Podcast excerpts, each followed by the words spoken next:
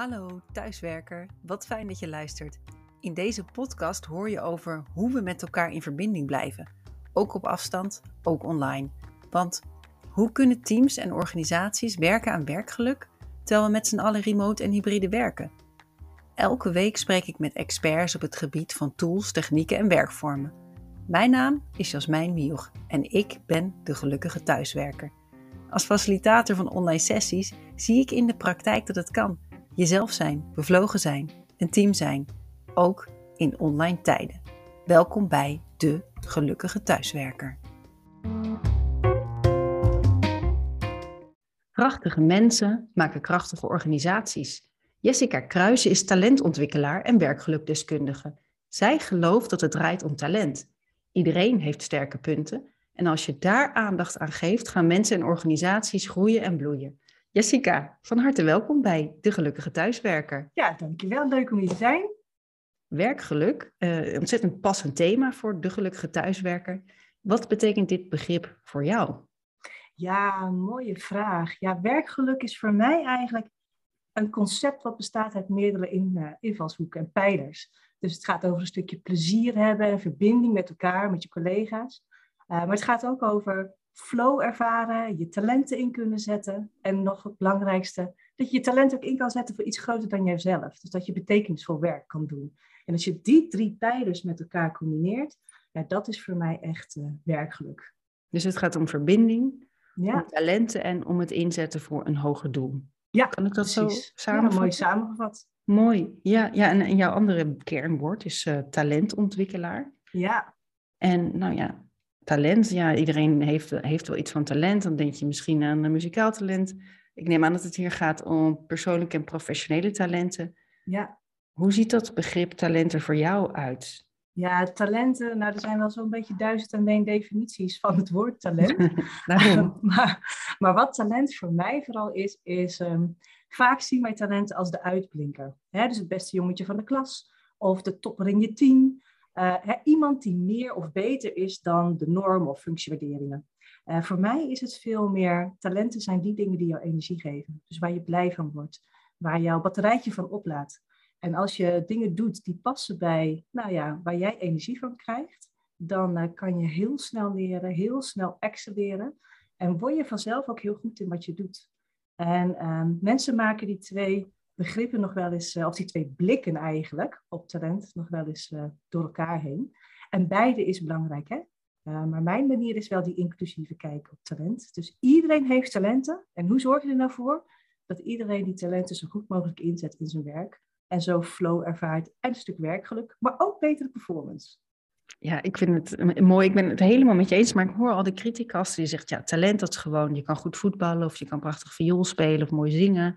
Dat is talent. Ja. En uh, ja, dat talent, ik weet niet wat ik voor talent heb. En uh, hoe kom je daar nou achter? Ja, als je het niet in die muzikale of sportieve talenten. Ja, nou ziet. en zelfs als je het wel daarin ziet. Hè, dus als je bijvoorbeeld vraagt aan uh, een, het voorbeeldje van voetbal. Hè, dus je vraagt aan een groep, nou lekker stereotype, een groep mannen van mijn leeftijd, bij 42. Waarom vind jij het voetballen zo leuk? Hè? Je zit op voetbal. En um, dan zal de ene zeggen, ja, ik, ik hou wel van uh, scoren. Hè? Dus ik, uh, ik doe graag uh, een balletje erin leggen. En dat is iemand die heeft het talent voor zichtbaar presteren. Terwijl een ander die zegt misschien, nou weet je, ik vind dat voetballen heel leuk. maar wat ik het allerleukste vind is de, de derde ronde. Met z'n allen eventjes nog de kantine in. ja. En kinderen zeggen we gaan ranja drinken. Maar volwassenen zeggen dan we doen een biertje met elkaar. Die heeft een talent van een groepsdier. Hè? Of trouwe vriend of zo. En zo zie je dat eigenlijk als je doorvraagt op uh, waarom uh, ben je goed in wat je doet, of vind je het leuk wat je doet, en je vraagt dan een beetje door wat maakt nou dat je dat leuk vindt, uh, dan komen eigenlijk de talenten vanzelf naar voren in zo'n gesprekje. Dus je komt erachter door een beetje te graven in je eigen verleden. Ja, of niet, ja. of in je heden. Ja, Want ik ben wel benieuwd als er, nu, als er nu luisteraars zeggen die zeggen, ja, ik ben een thuiswerker of ik ben niet een thuiswerker en ik wil graag mijn talenten ontdekken. Waar moeten ze dan starten? Hoe, hoe ga je aan de slag? Ja, nou ja, talenten vind je door te kijken bij jezelf. Waar word ik blij van? Waar krijg ik energie van? Dus wanneer ben ik dingen aan het doen die ik gewoon leuk vind om te doen? Dat is er één. Um, maar vaak zie je ook dat een talent voor jou heel gewoon is en voor een ander heel bijzonder. Dus dat je zelf denkt, als jij zelf denkt, maar dat doet toch iedereen zo? Dan kom je eigenlijk wel vaak op, uh, op talenten terecht. Dus je ontdekt talenten ook wel vaak in interactie met andere mensen. En dat is natuurlijk bij een kind anders, die nog niet zo heel veel verschillende contexten heeft gehad als bij volwassenen. Wij hebben ze vaak al wel ontdekt. En de vraag die ik vaak stel is, ehm, wanneer vergeet jij de tijd? Dus wanneer oh, vergeet jij de tijd, Jasmijn? Nou, ik dacht al, ik dacht al, die komt de vraag. nou ja, Wat ben je dan aan het doen? Ja, ik vind uh, podcasten echt super leuk, bijvoorbeeld. En ik heb ook vroeger bij de radio gewerkt en ik heb er altijd onwijs veel plezier in gehad. Dit het ook altijd vrijwillig. Ja. En ik denk, als je iets vrijwillig doet, dan moet je er wel plezier in hebben. Ja. Uh, ik heb ook heel veel prettig, vond ik uh, dat ik er ook veel van leer. Ja. Uh, dus, dus ja, een talent voor leren en interviewen, hoop ik. Ja. ja, en misschien wel een stukje verbinding maken met degene die tegenover jou zit. Ja. Dat merk je ook tenminste. In het voorgesprekje deed hij dat al meteen. Um, dus als je dan vraagt van, goh, dan kan je nog doorvragen. Hè? Gaan we nou niet doen, anders wordt dit een talenteninterview zo saapjes. ook wel eens leuk misschien om daar Ook wel eens leuk, kunnen we misschien nog wel eens doen. Ja. Um, maar als je dus doorvraagt, in jouw geval, wat maakt nou dat je podcasten leuk vindt?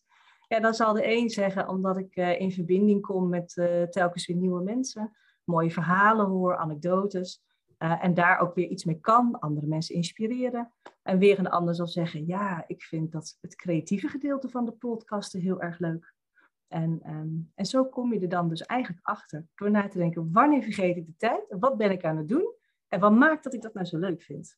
Ja, ja. ja mooi. Dus mensen die nu luisteren zeggen, ik wil ook aan de slag met talenten, die kunnen daar al een eerste stap mee zetten. Ja, als je die vraag aan jezelf stelt. Wanneer vergeet ik de tijd? Wat ben ik aan het doen?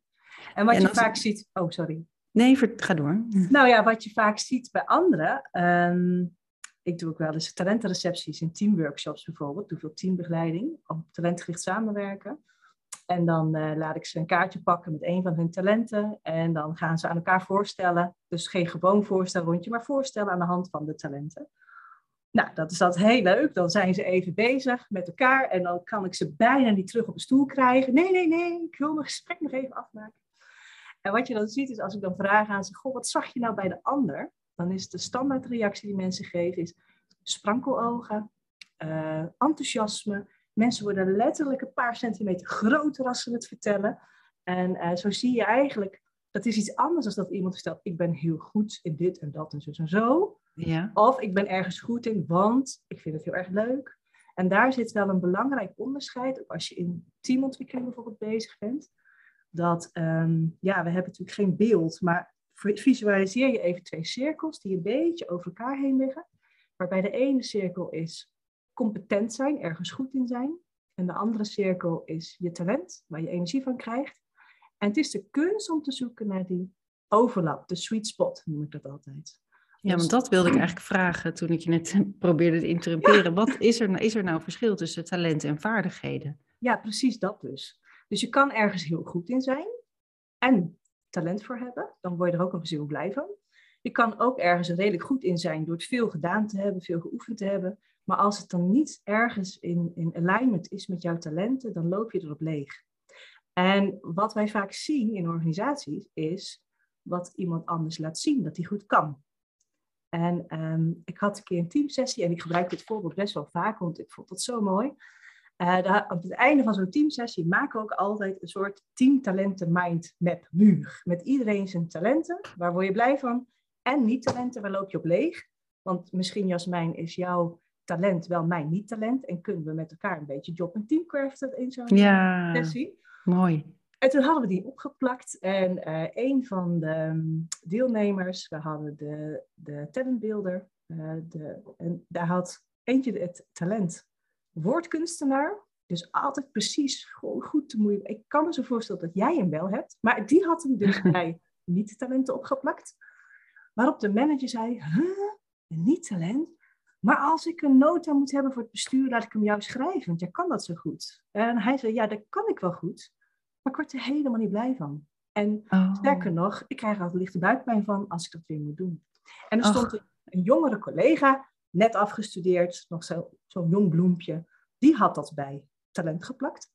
Maar die ene collega stond als een soort van grote boom boven die collega, want die deed altijd die opdrachten. Ja. Nou, zij zijn samen gaan teamcraften, want die jonge collega moest nog wel wat vaardigheden leren. Hè, hoe stel ik het goed op? Uh, waar moet ik op letten? Nou, zo zeg maar.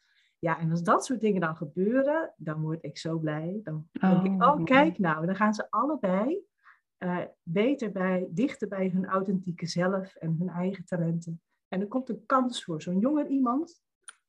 En die, uh, die heeft misschien talent, maar niet de vaardigheden. En als je daar samen aan gaat werken, dan gaat het groeien en bloeien, zoals ik in de inleiding ook zei. Ja, precies. Want met je talenten, vanuit die inclusief uh, talentmanagementbenadering, waar ik vanuit werk, daar word je wel mee geboren. Uh, dus dat zit in je. Uh, maar je hebt wel in de loop van je leven dat je kennis en vaardigheden moet ontwikkelen. Ik zeg dan vaak een beetje in een ijsberg. Onderin zit je potentiële talent. Dan heb je kennis en vaardigheden. En boven water zit jouw uh, ja, talent in actie en het gedrag wat je laat zien in de werkcontext. En dan zeg, je nou, zeg jij nou dat talenten vanaf jongs af aan er eigenlijk al in zitten? Kan dat veranderen? Is dat altijd hetzelfde? Ja, nou talent vanuit die inclusieve talentmanagementbenadering, er zitten dus inderdaad altijd al in. Het kan wel zijn dat je ze pas in de loop van je leven ontdekt. Want juist door wat ik toen straks zei, in de context met andere mensen, ontdek je wat je zelf heel leuk vindt. Als je nog nooit een podcast hebt gemaakt, weet je ook helemaal niet dat je dat heel leuk vindt. Maar je schreef misschien al wel artikelen en interviewde mensen. En op een gegeven moment kom je in aanraking met podcasten, net als jij. En dan denk je, hé, hey, dit vind ik heel gaaf om, uh, om te doen. Dus je ontdekt ze wel in de loop van je leven. Wat leuk. Ja, ik, ik zit te denken, eh, mijn kinderen zitten op een kinderdagverblijf waar ze het talentfluisteraars keurmerk hebben. En waar ze dus al vanaf groep uh, eh, 0, dus echt vanaf de 0 tot 4-jarigen, al bezig zijn met de talenten van de kinderen. Ja. En ook het speelgoed daarop aanpassen, bijvoorbeeld. Ja, helemaal. Ik kom uit diezelfde school. oh dus, ja? Uh, ja. Oh, wat grappig. Dus jij kent het hele kindertalentfluisteraarsconcept. Ja, ik vind het zo leuk. Ze zijn er een paar jaar mee bezig. Ja. Maar ik vind het echt heel mooi. Maar ik zie wel dat het verandert. Ja. Want toen mijn zoontje echt klein was, toen was zijn uh, talent sterk. Omdat hij gewoon heel sterk was en vroeg kon lopen. Maar daarna werd het uh, kennisspons. Ja. Omdat alles over dino's en planeten. Ja, en toen die één was, was hij nog geen kennisspons. Want daar kon hij nog niet zijn, zeg maar.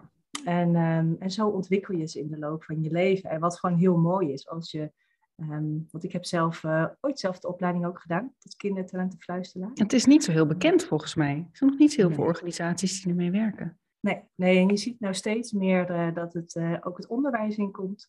En wat ik eigenlijk heb gedaan, is de vertaalslag naar bedrijfsleven. Dus hoe kun je nou um, ja, elkaars talenten echt zien en waarderen. En daar ook door daar op teamniveau mee aan de slag te gaan, meer werkgeluk te creëren. Omdat als je mag doen wat bij jou past, waar je blij van wordt, dan gaat je performance omhoog, je gaat sneller leren en je bent gewoon werkgelukkiger.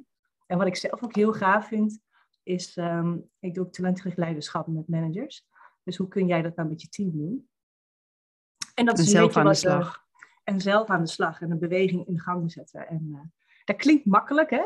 Um, maar dat is best wel lastig hoor ja, want ik hoorde je net al eh, de termen jobcrafting en teamcrafting uh, noemen. Misschien weet niet iedereen wat dat is, maar ik neem aan dat dat te maken heeft met die leiders, die leidinggevenden ondersteunen om het beste uit hun team te halen. Kun je daar iets meer over vertellen, wat je daar dan doet? Ja, de jobcraft, uh, daar is best wel veel literatuur en onderzoek ook over. Maar ik gebruik eigenlijk de principes van jobcraften in teams. Dus dan noem ik het teamcraften.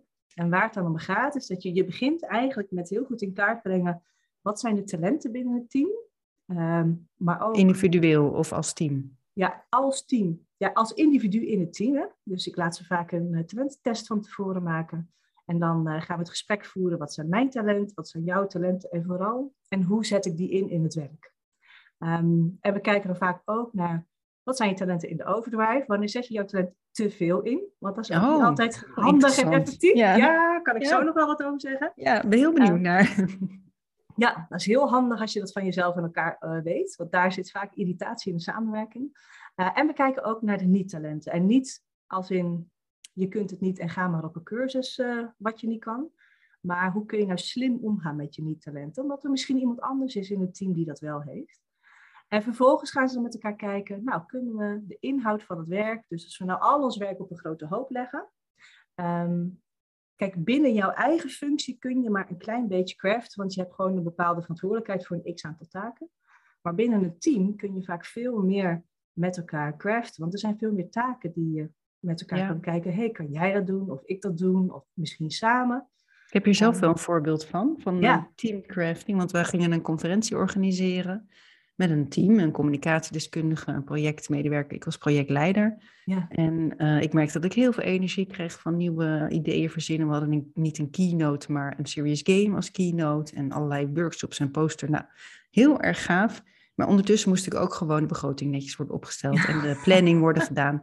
En ik kan het wel, maar ik denk dat daar een niet-talent zit van mij. En mhm. toen is een collega van mij opgestaan en zei: Ja, maar dat vind ik hartstikke leuk. Ze heeft prachtige Excels gemaakt.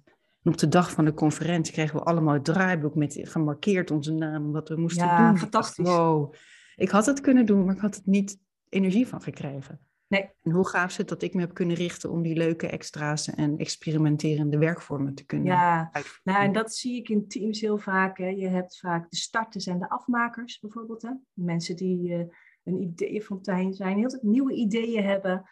En dan is het eenmaal in rij en gelid. En dan moet het nog netjes in een begroting en uh, draaiboeken en dat soort dingen, net wat jij net zei. Ja. Um, en dan zijn anderen daar juist weer goed in. Ja, en als je dat gewoon met elkaar meer kan benutten, ja, dat is, uh, dat is zo mooi. Omdat elke keer als dat weer gebeurt, dan, ik word daar gewoon zelf dan heel blij van. Wat, wat gebeurt er met organisaties waar ze dat teamcraft een beetje onder de knie hebben? Wat, wat zijn de effecten? Ja, daar zie je dat uh, de performance omhoog gaat en het werkgeluk. Hè? Dus mensen het ook leuker vinden om hun werk uh, te doen.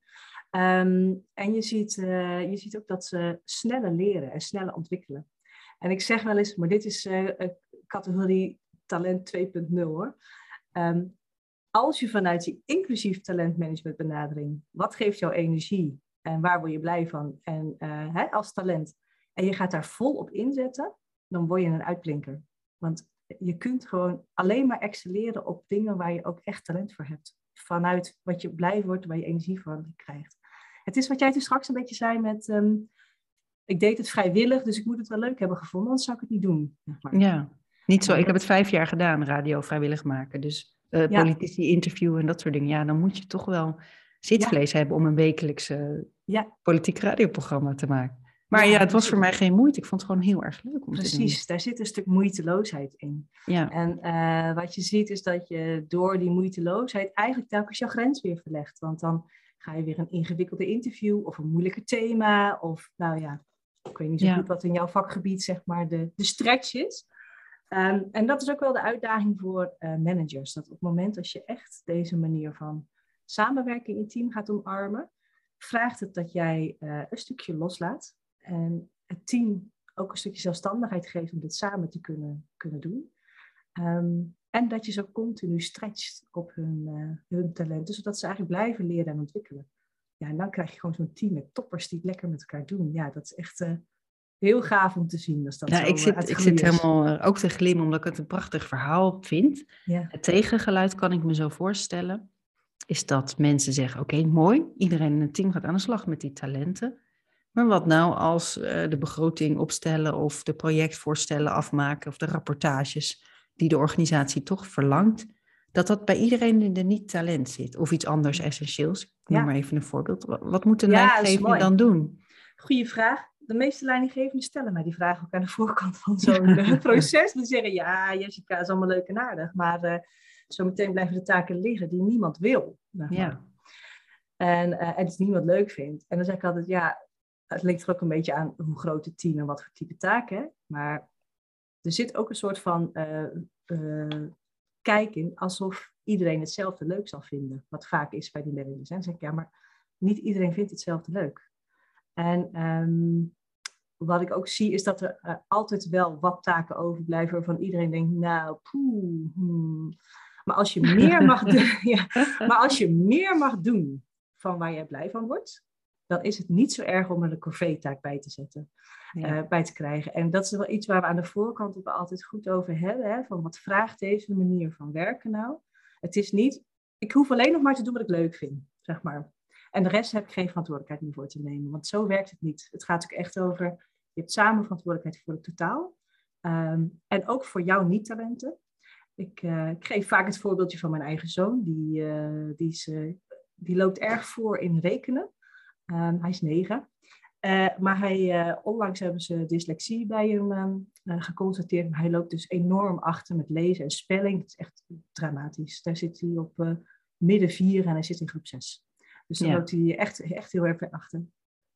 Nou, dan zou ik het liefste zou ik natuurlijk tegen hem zeggen laat maar zitten, focus op je sterke punten, schatje. En ga gewoon dingen doen waar je energie van krijgt. Je hoeft nooit meer een letter te lezen. Nee, je hoeft nooit meer te lezen. De spelling maakt ook allemaal niet uit. En, ehm, maar goed, hij loopt er tegenaan dat hij ook redactiesommetjes moet maken. En dat hij geschiedenis heel erg leuk vindt, maar de teksten heel moeilijk. Dus je zult toch verantwoordelijkheid moeten nemen voor in dit geval zijn zwakke punt lezen en schrijven.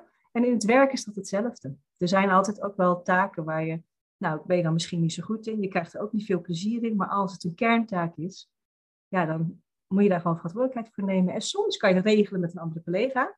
En soms iets anders organiseren. Nou, of je maakt een, ja, wat ik me ook kan voorstellen met het voorbeeld van jouw zoon, dat je gewoon een taak interessanter maakt door er iets anders aan vast te maken. Ja. Dus als je zegt, als jij dat geschiedenisboek wil lezen, ja, dan zul je moeten oefenen met lezen. Ja, ja. Dat nou, je het wat op die manier aantrekkelijk maakt. Precies. Nou, en er zit ook een, ehm, ik gebruik ook de principes van playful work design ehm, en de talenten in het onderwijs, maar dat doe ik dan met leerkrachten, want ik werk met volwassenen zelf, waarbij ik uh, ze um, talentengesprekjes uh, laat voeren met, uh, met hun kinderen. En in mijn, pak ik even mijn eigen zoontje, dat is een makkelijk voorbeeld. Want mijn zoontje is echt, die, is heel, die heeft heel veel empathie en die is heel relatiegericht, dus heel erg sociaal. En uh, toen ik een keer een uh, gesprekje met hem eens een keer uitprobeerde van, goh, hoe kan je nou een moeilijk taakje of saai taakje op een andere manier doen, waarbij je talenten gebruikt om dat taakje te doen. Nou, hij, het eerste wat hij zei was natuurlijk dicté.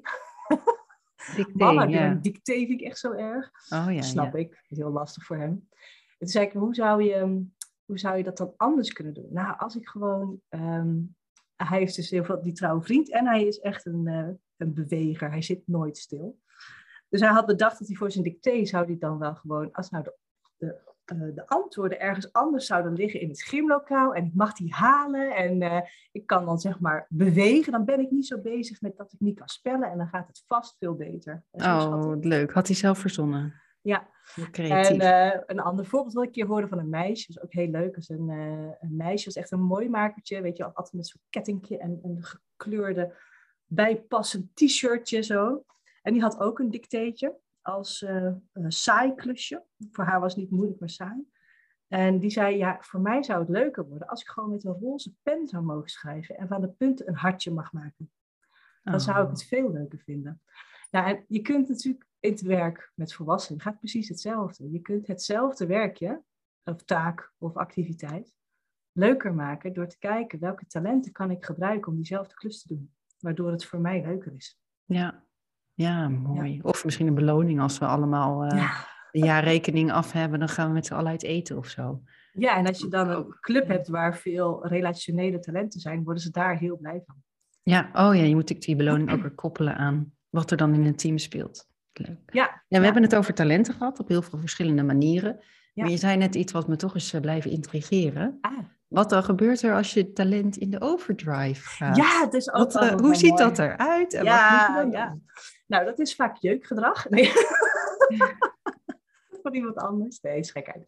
Nee, nou ja, ik kan me er iets bij voorstellen hoor. Nou, een voorbeeld uh, wat ik vaak gebruik is uh, in de talentbeelden. heb je een van de talenten, is uh, de talent van de foutenspeurneus. En dat zijn mensen die zien meteen als het niet klopt. Als ze taalgevoelig zijn, dan laat je een notitie zien en dan krijg je alleen maar de tuspunten en komma's ja, ja, ja. veranderd met een rode stift terug. Maar het kan ook zijn dat ze zien wat er in het proces of de administratie of in de begroting. Of, maar zij zien meteen wat er niet klopt. Nou, een foute speurneus in de overdrive legt op alles, het, alles wat ze zien dat er niet klopt, wordt benoemd. Alle dus slakken zout. Ja. Alle slakken zout. Dus als jij op hoofdlijn even over jouw nieuwe idee voor jouw nieuwe congres wil sparren, zeg maar, dan gaan hun op de details helemaal precies wat er niet klopt. Nou, dan raak jij geïrriteerd, want je denkt, nou, ik wil toch alleen maar even over die hoofdlijn. Welke keynote speaker, dan gaan we een game doen of niet, zeg maar. Hè? Ja, ja. En, um, en andersom, als wij in zo'n teamontwikkeling zitten en je weet van elkaar, oh, hij of zij is een foute speurneus en hij zit in de overdrive.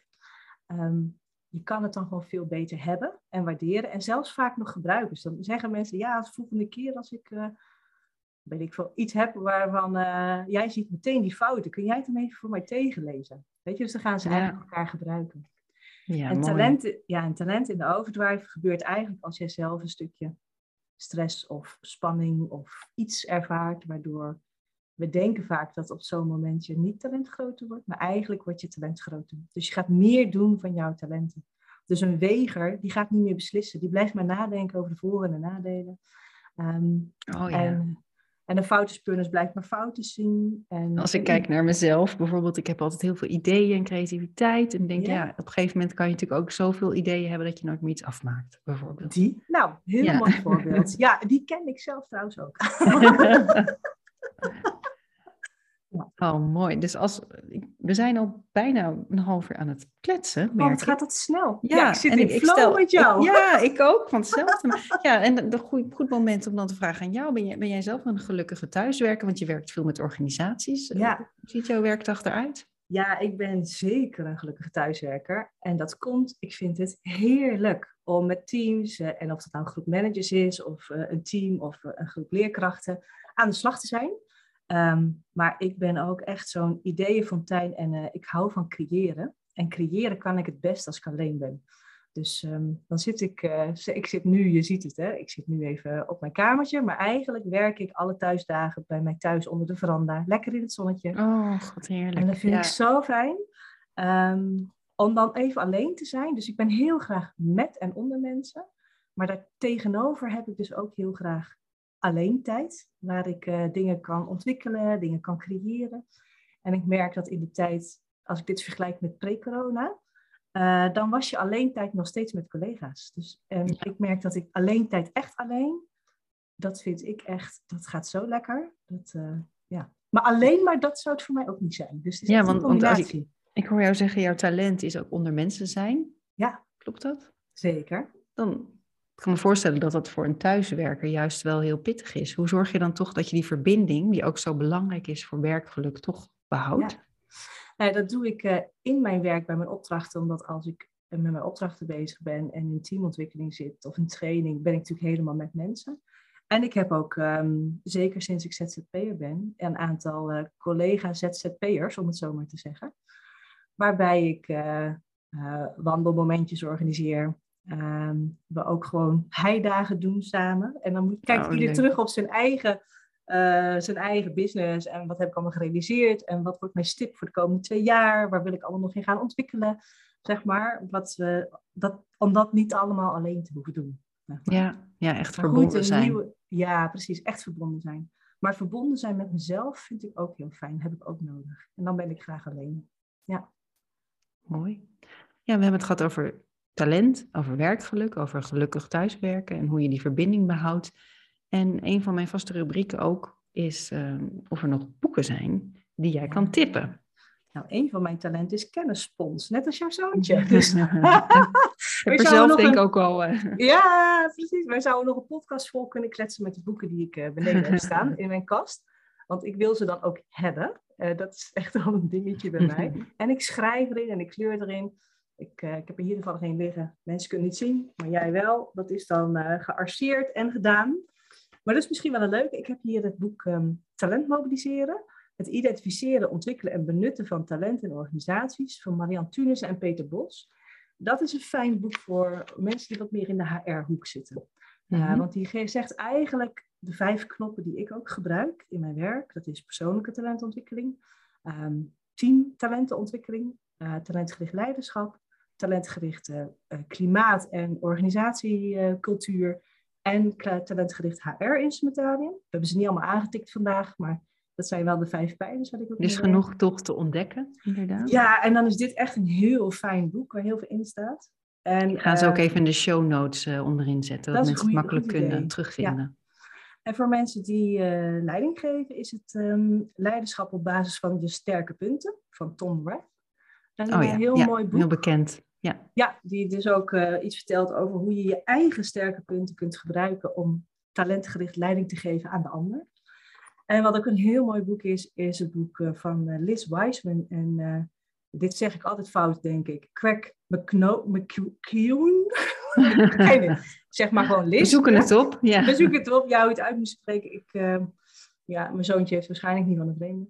Um, maar dat heet uh, multipliers. Voor managers die twee keer meer uit een team willen halen. En wat hier heel mooi in beschreven staat, is hoe je wat het van jou vraagt als talentgericht um, manager, dat je ook hoe jij jouw mensen ook optimaal stretcht en laat leren en laat blijven ontwikkelen vanuit uh, die talenten.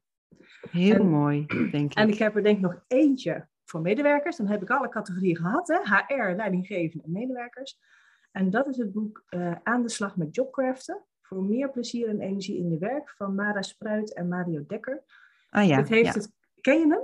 Nou, ik ken Mara Spruit volgens mij. Ah, ja. ja. ja. Nou, dit heeft het karakter van een werkboekje.